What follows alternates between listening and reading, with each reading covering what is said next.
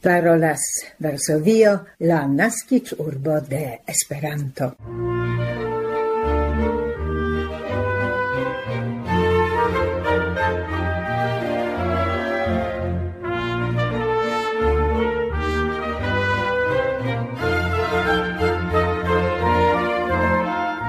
Tre core salutas vinge signoroi, lunde la decan de aprilo 2003, nia tuta redakcia teamo – ancorau en la festa Pasca etoso, char en Pollando, kiel en cent dexes landoi de la mondo, ni duas tagon liberan de labordevo, la Pascan Lundon. Barbara Pietrzak, Milada Szwedo kaj Maciej Jaskot proponas lige kun tio en la comenzo iom concentrigi circa la festa temaro, kiel cutimoi en Pollando kaj en la mondo ligitai kun citiu festo. En la dua parto de nia programo ni proponas renkontiĝon kun nia antaŭmikrofona gasto Aleksandro Galkin, kiu klarigos ĉu kaj kiel eblas utiligi la artefaritan intelekton por la lingvolernado. Lia citema prelego vekis grandan interesiĝon dum la lasta virtuala kunveno de poliglotoj.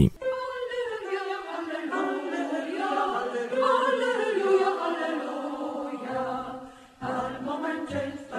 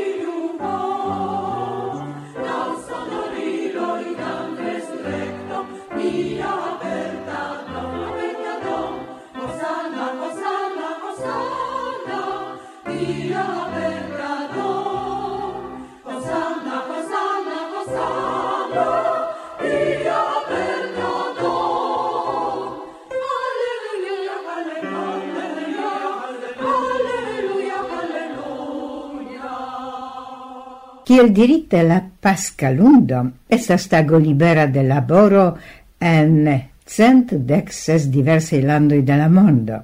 Hierau en multai, en plimulto de la polei domoi, la pasco festo pasis en la familia rondo, dum la solena maten mangio, cium oni consumas tamen necutime malfrue, iom antau la tagmeso. La cefan locon occupas sur table la belle decorite corbeto, plena de mangio specimenoi, kiuin post la fasta periodo en abundo accompanas la festan periodon. Pli multe temas pri corbeto aspergita per benita aquo, kio casas en ciui pregeioi. La cefan locon havas en gi ovoi, bele colorigitei, bele ornamitai, per cun dividado cae cun mangiado de ovo pezoi, cil simbolo de la vivo, oni comenzas la contabligion kiu samtempe firmigas la ligoin inter la familianoi. Quancam pascon ni traktas unuavice kiel tempon de familiai rencontrigioi, tamen en la lasta iaroi ciam pli da poloj decidas la pasco periodon pasigi exterheime en la montaro ce la maro. Ciare tiun decidon alprenis laŭ la kompanioj nocovanie.polo kaj noclegi.polo je quindec unu procento da personoi pli ol antau unu jaro. Tiun decidon sendube influas la desiro liberigi sin de la peno de la festai preparoi, post vintra purigado de la heimo, heim ornamado, buticumado, zorgo pri festa menuo. Nemilge, che ciam pli da personoi, preferas comunan familian riposon, festo case, sed exterheime malantau ni la edifa tempo de la pasca preparo, aparte intensa post la pasca dimanĉo cae apartai ritoi ligitai cun la sanctai jaudo, vendredo cae sabato. Kiel ni excias en la norda Hispanio, iam dum vendredo antavanta sanctan semainon, la sono de tamburado anoncas la proximigiantan periodon. La tutsemaina pasco dauris iam ancau en Francio, kion shangis la concordato inter Napoleono cae Vaticano en 1801. Nun la pascofesto estas dutaga, cae Francoi en plimulto pasigas tempon dum picnicoi cae dum cemara riposo.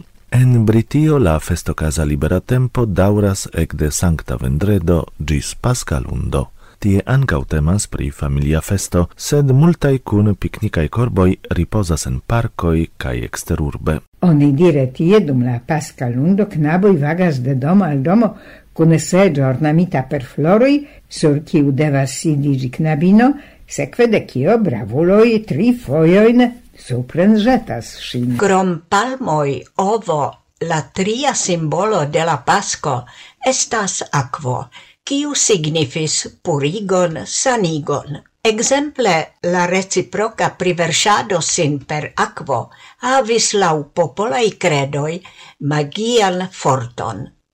Iam, cae gis non practicata, gi havis ancau grandan societan signifon, al kiu oni rilatis positive, cae ec attendis gin.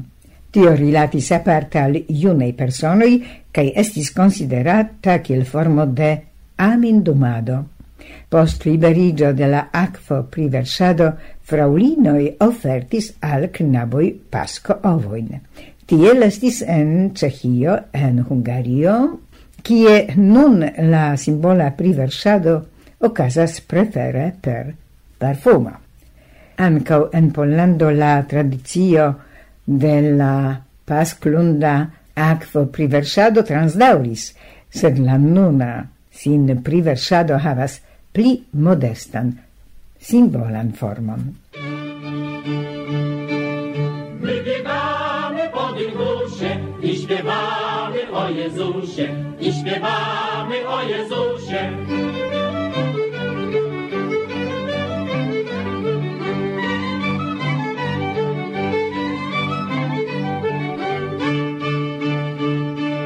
O Panience Świętym Pietrze, o Judaszu i o Łotrze, o Judaszu i o Łotrze.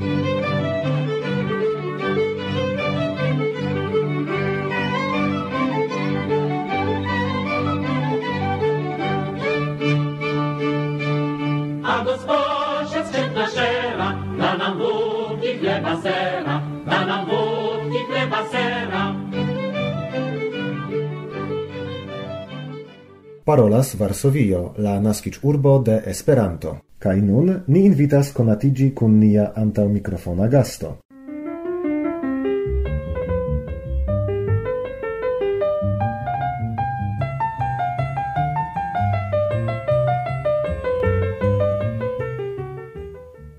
artefarita intellecto, kiel temo aparte niei sciencei bultenoi aperas eh, relative ofte, sed aparta generala explodo de interesigio anca en la esperantlingva medio sequis kiam en marto nun iare Open AI publikigis la modelon Gopo Talk Far. En la sociei reteioi amasigis informoi, raportetoi pri tio kiel esperantistoi testas la modelon Gopoto aparte gopoto babileion, cae cetere notindes che oni allasis helpon de artefarite intellecto, gopoto, en literatura inco concurso.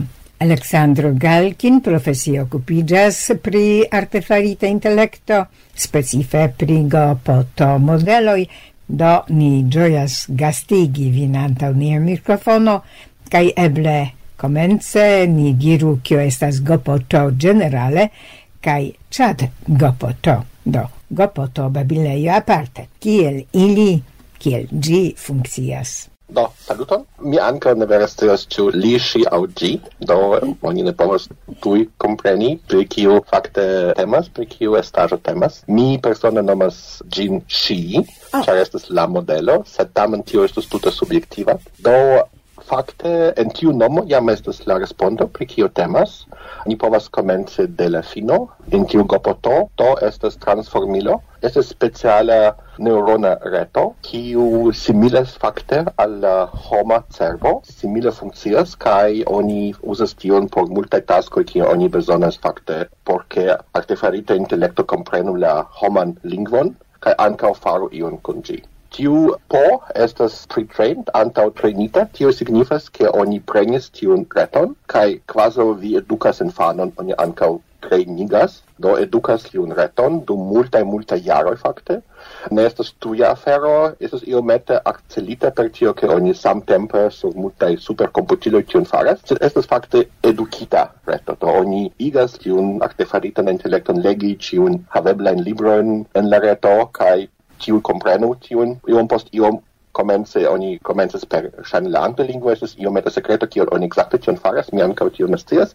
Sed oni comences per iu lingvo kaj poste tion daŭrigos kun aliaj lingvoj aŭtomate kun ĉiuj kiuj havebles en la reto tio ankaŭ estas respondo al la demando kial do la reto ankaŭ komprenas Esperanton? Ĉar Esperanto aperas sufiĉe ofte en la reto do pro tio oni aŭtomate ankaŭ kunprenas tiun lingvon kai go la play unua litero estas la generativa do la reto creas ion. En nia caso gi kapablas crei iun respondan en homa lingvo. Do estas tiu spece do artefarita intelekto. Mi ankaŭ devas rimarki ĉi tie ke kiam oni parolas pri artefarita intelekto kutime oni distingas inter tiel nomata forta kaj malforta. Malforta estas tiu, ki estas kreita por iu speciale tasko, ekzemple por aŭtomataj tradukiloj, kaj ankaŭ Gopoto estas malforta. Ĝi ne estas tute universala, ĝi estas trejnita por kelkaj specifaj taskoj, kaj unu el tiuj taskoj estas chat, do babilejo. Do vi vidas ĉi tie ankaŭ en tiu nomo ke oni diras jes estas la speciala eh, artefarita intelekto kiu estis antaŭtrejnita, edukita por partopreni in diversaj babilei. Vi estas ankaŭ inĝeniero pri tiel nomate instigiloj. Por mi iomete ne komprenebla afero, kion tio signifas? Estas iom nova profesio, kio aperis verŝajne antaŭ duon jaro eble malpli. Temas pri tio, ke en la Gopoto oni faris malgrandan revolucion, ke oni ne devas plu treni la artefajn intelekton. La intelekto trainas sin mem. Vi igas gin por ke ĝi akceptu iujn datenojn kaj poste vi diras kion vi atendas. La granda revolucio okazis, kiam oni ne plu devas treinigi au treni la reton, sed comunicigi con tiu recte en la homa lingua, kai la profesio estas ke vi provas a solvi diversajn taskojn per formulado de tiui instigilo, tio estes mallongai suffice textoi, tio estes bona comprenate de la modelo, cae kiun oni usas por practicae taskoi. Exemple, mi povas diri elvig, se mi laboras por la sercilo, cae ni devas en la sercilo, exemple, trovi en la texto, kiun oni demandas, tio existas iui ne bone age, do exemple, iui iu temas pri sexo au iu alia, oni povas do instrui la reton, tio povas diri al mi, tio peto, kiun la usanto sendas al la sercilo, tio gi estas bona au povas esti ke gi havas ne bonan lingvon kaj per tio oni povas vidi ankaŭ ĉu bezonas eh, uh, longan respondon aŭ simple iom prilabori aŭ tute ne respondi. Dankon pro tiu ĉi ekspliko. Mi mhm. pensas mm -hmm. che mi iomete pli bone comprenas la aferon ol en la comenzo. Oh. Nur lunde finigis la reta poliglota conveno ancau cun partopreno de Esperanto parolantoi, do en la kadro de la kunveno quelcai kelkaj prelegoi, inter alia via ege interesa prelego pri la temo kiel utiligi gopoto por lingvo lernado.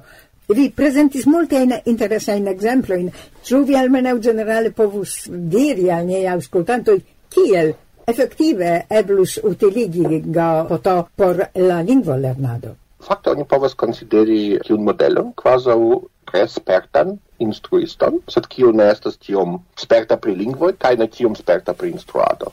Do pere de la sama instigilo de mallonga teksto vi povas peti aŭ doni al vi iun informon pri la lingvo ciu certan vortoliston kiun vi volas lerni pri certa temo au expliki al vi gramatikaĵojn la plei simple afero au vi povas ec doni la texton en tiu lingvo kai demandi ciu estas eraroi, ciu vi povas korekti au donu al mi la texton kun eraroi, kai mi provo mem tiujn trovi. Do ciu tiu eblas per edukopoto suffice facile kai fakte kiun plej plaĉas es ke oni povas simple interbabili en multa lingvo mi kiam mi estas tiom lace de laboro mi praktikas ke mi parolas kun la modelo en la kvar kvin lingvo kiun mi parolas. Kaj poste mi demandas nu diru al mi en kiu lingvo mi estas pli bona kiu mi povas plibonigi kaj la modelo retenas la tutan historion de nia babilaĵo kaj poste diras do en tiu lingvo vi faris eraron tio sed videblas ke vi kapablas ĝin bone bonvolu rigardi al tiuj gramatikaj aferoj sufiĉe sufiĉe interesa afero. En via prelego vi ankaŭ menciis, ke la programon, la modelon eblus uzi ankaŭ en la rolo de instruanto aŭ instruisto. Kiel tio aspektus, ekzemple? Unu afero, kiel mi diris, vi povas doni vian tekston kai peti la modelon korekti.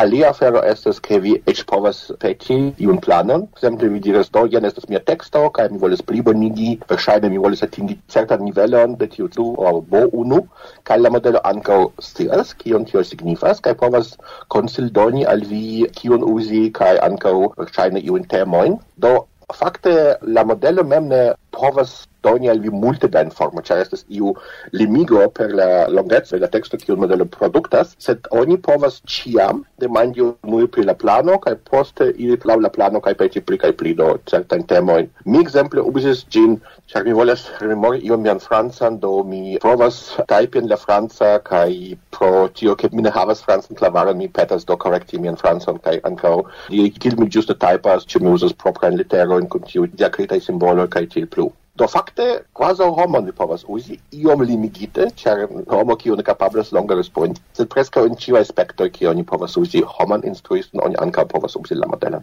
Ĉu tio signifas ke proksimiĝas fino de la tradicia lerno kaj instrumodelo de la lingvoj?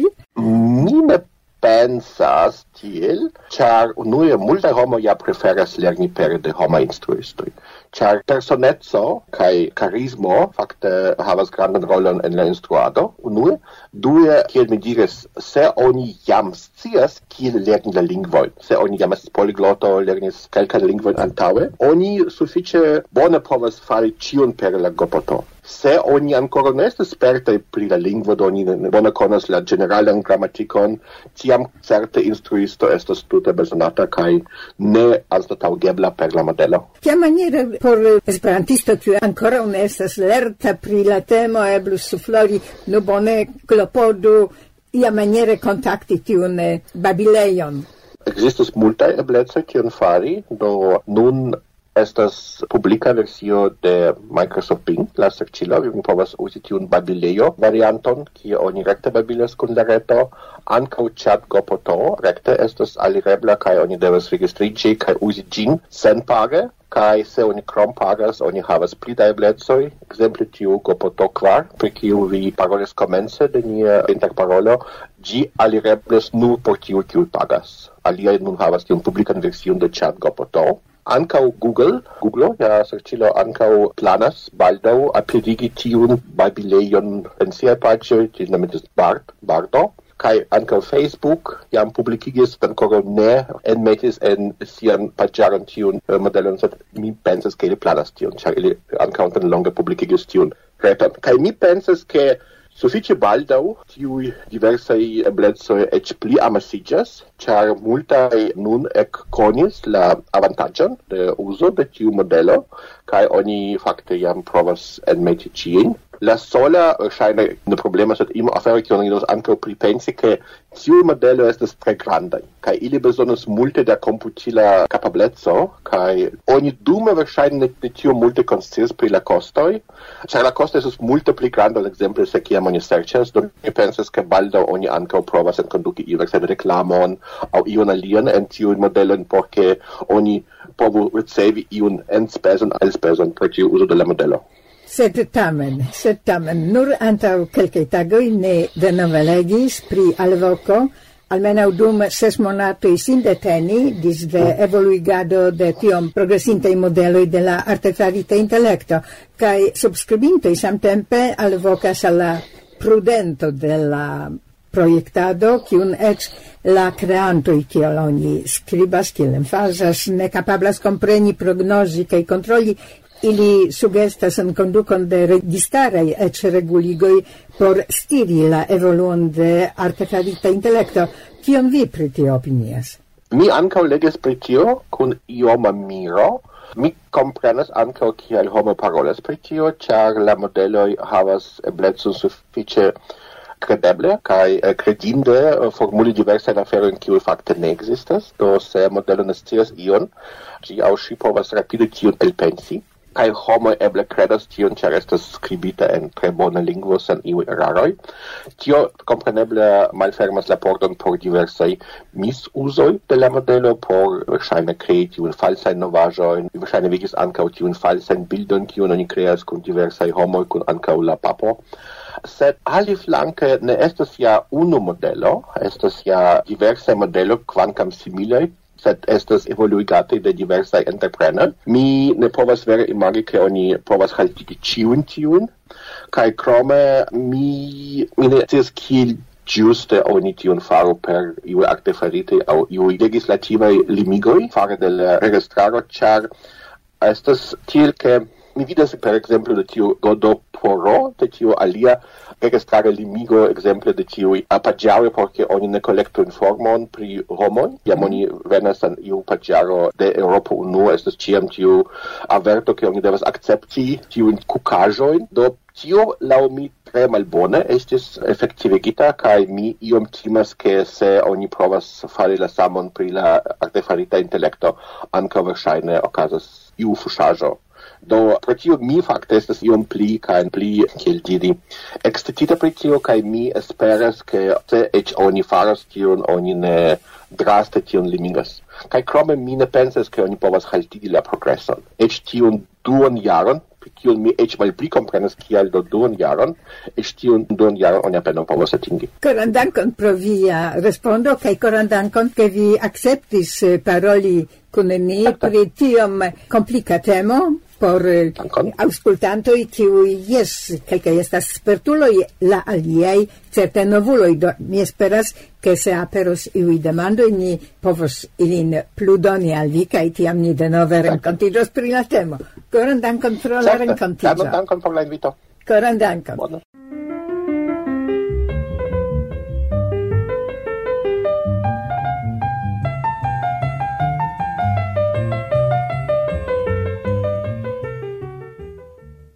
antau microfona rencontigio cun Aleksandro Galkin, cun ciu interparolis redaktorino Barbara Pietrzak finas nian hodiauan Esperando sendon.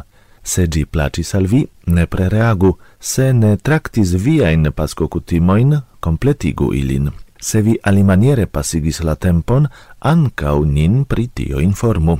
Dankon pro la comune pasigita tempo, cae gis la reaudo.